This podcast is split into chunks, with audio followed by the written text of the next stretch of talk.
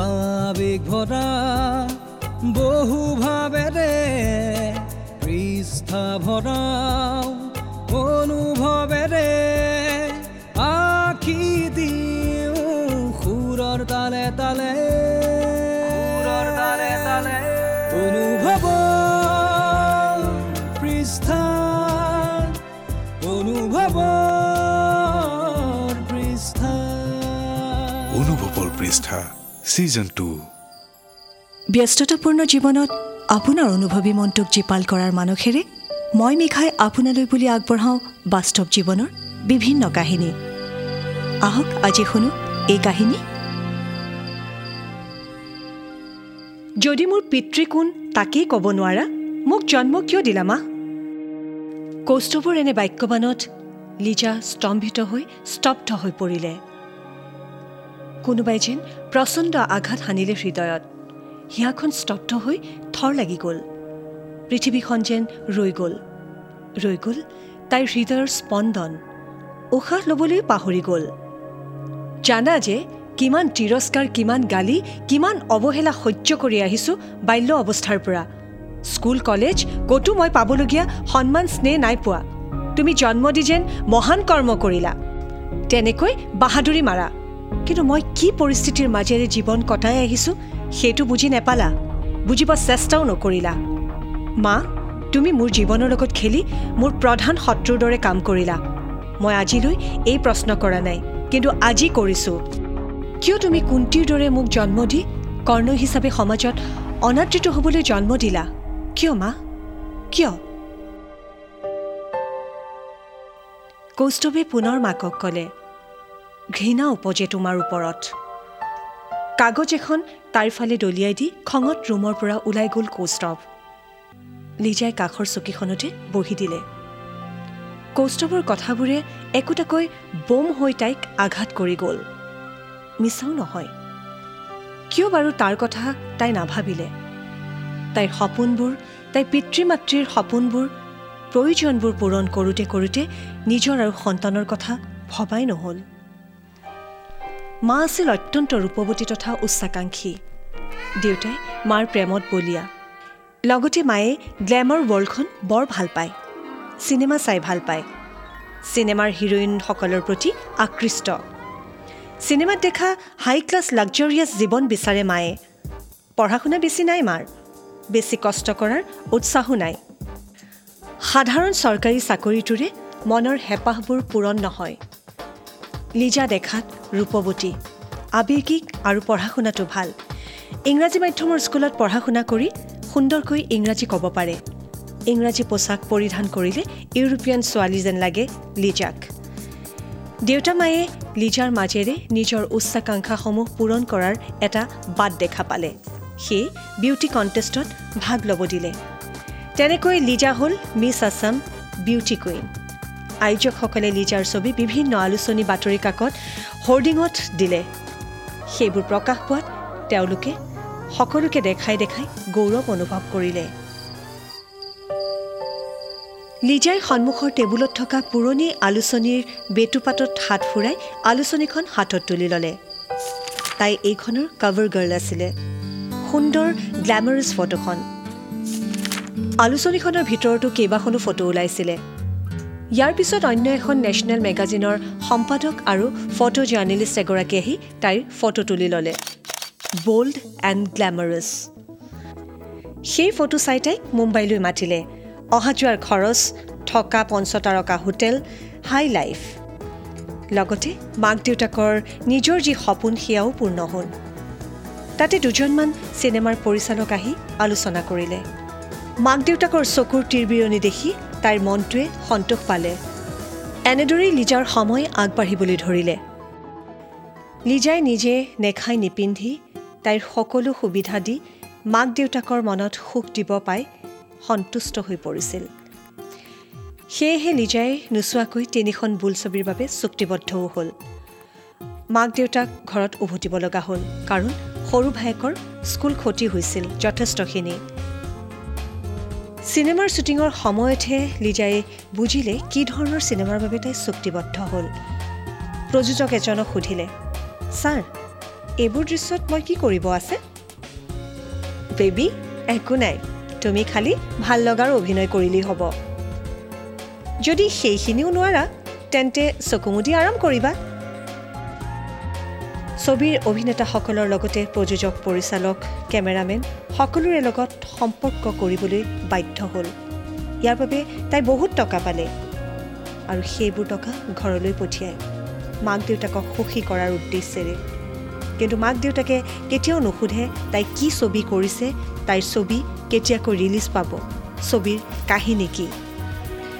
এনেদৰেই লিজাই মুম্বাইত এটা ফ্লেট কিনিলে এখন গাড়ীও কিনিলে। এক বিলাসী জীৱন কটাব ল'লে যেতিয়া শ্বুটিং নাথাকে তেতিয়া তাইৰ ছেক্ৰেটেৰীয়ে তাইক বিভিন্ন পাৰ্টিলৈ পঠিয়ায় নাইবা বিশেষ বিজ্ঞাপনৰ বাবে পঠিয়ায়। আৰু ইয়াৰ বাবে এটা মোটা অংক তাইৰ বেংক একাউণ্টত জমা হয়। এনেদৰেই লিজাৰ জীৱন আগবাঢ়ি যায়। এদিন অসমৰ পৰা যোৱা এজন মাৰোৱাৰী যুৱকৰ এস্কৰ্ট হিচাপে যাব লগা হৈছিল লিজা। নৰেন দেখাত যথেষ্ট দেখনীয়াৰ ভদ্ৰ মৰমীয়াল আৰু তাইক বহুত সন্মান দিয়া এগৰাকী পুৰুষ। প্ৰথম নিশা দুয়ো যেতিয়া লগ পাই Gateway of India Marine Drive এই ঠাইবিলাকত ফুৰিলে। জুহু বিচ্ছলৈ গৈ ষ্ট্ৰীট ফুড খালে। মুম্বাইত থকা প্ৰায় দুবছৰেই হ'ল।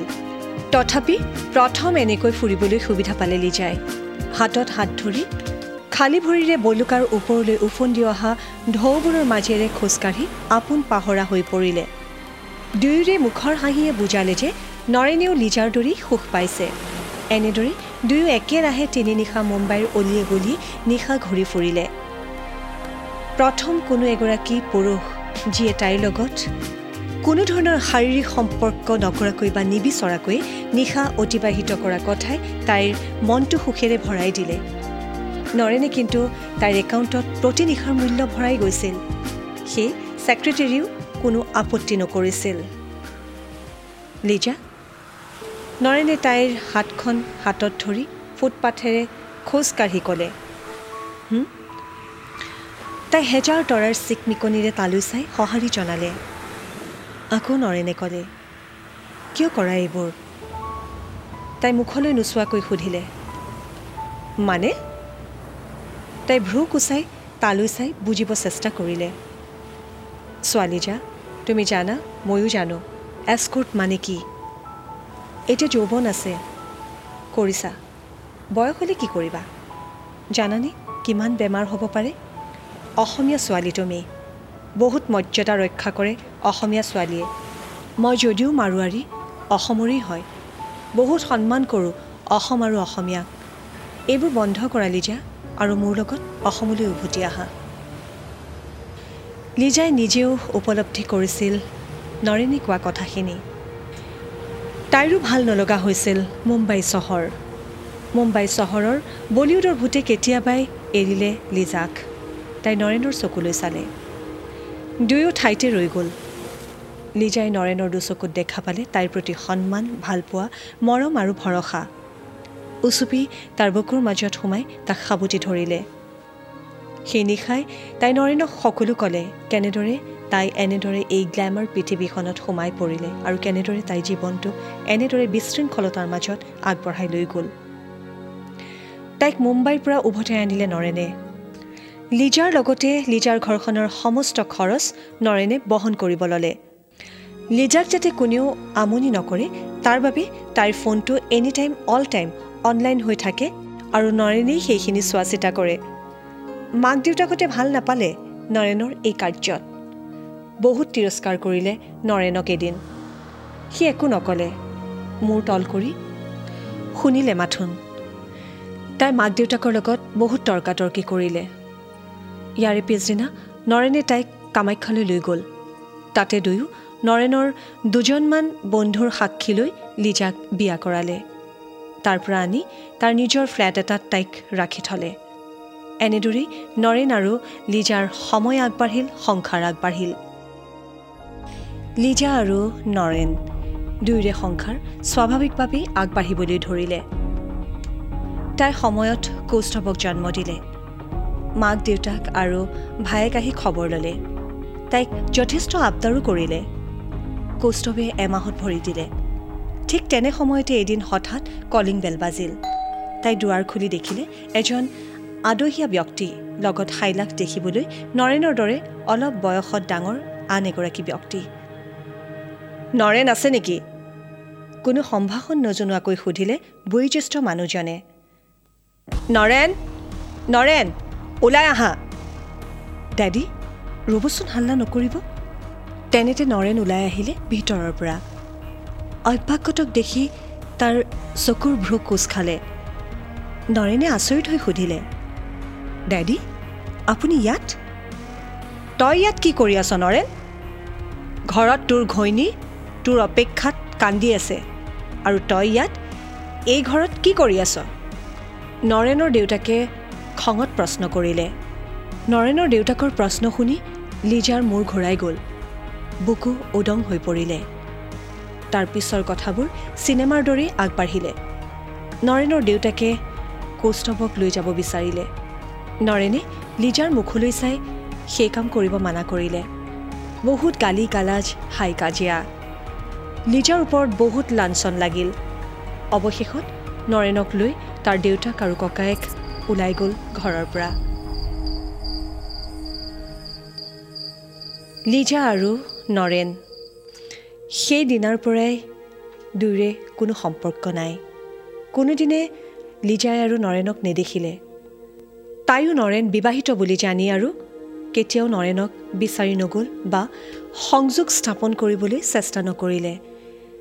আনকি কৌস্তৱকো কোনোদিনেই নক'লে। স্কুলত নামভৰ্তিৰ সময়তো ফৰ্ম ফিল আপ কৰোঁতে দেউতাকৰ ঠাইত নিজৰ নামটোহে ভৰাই থ'লে। স্কুলত কৌস্তৱক দেউতাক কোন বুলি কোনোবাই সুধিলে নেজানো বুলিয়েই কয়। লিজাই তেনেতে কৌস্তৱে দলিয়াই যোৱা কাগজখন দেখি সেইখন বুটলি লৈ চালে। কৌস্তৱৰ বাৰ্থ চাৰ্টিফিকেট। তাইৰ আৰু নৰেনৰ নাম আছে। এইখন লুকাই থৈছিলোঁ। কৌস্তৱে ক'ত পালে? সিও তাইকে ভুল বুজিলে নেকি? এৰি গ'ল নেকি সিও তাইক? এয়া আছিল আজিৰ কাহিনী আকাশী গংগা বিচাৰি। এনেদৰে অনুভৱৰ পৃষ্ঠাত প্ৰতি কাহিনী সুধিবলৈ পাব গীতৰ মাজেৰে প্ৰতি সোমবাৰৰ পৰা শুকুৰবাৰলৈ নিশা দহ বজাৰ পৰা বাৰ বজালৈ কেৱল radio কাপশ্ব ninety four point three F এমত। আবেগ ভৰা বহু ভাবেৰে পৃষ্ঠা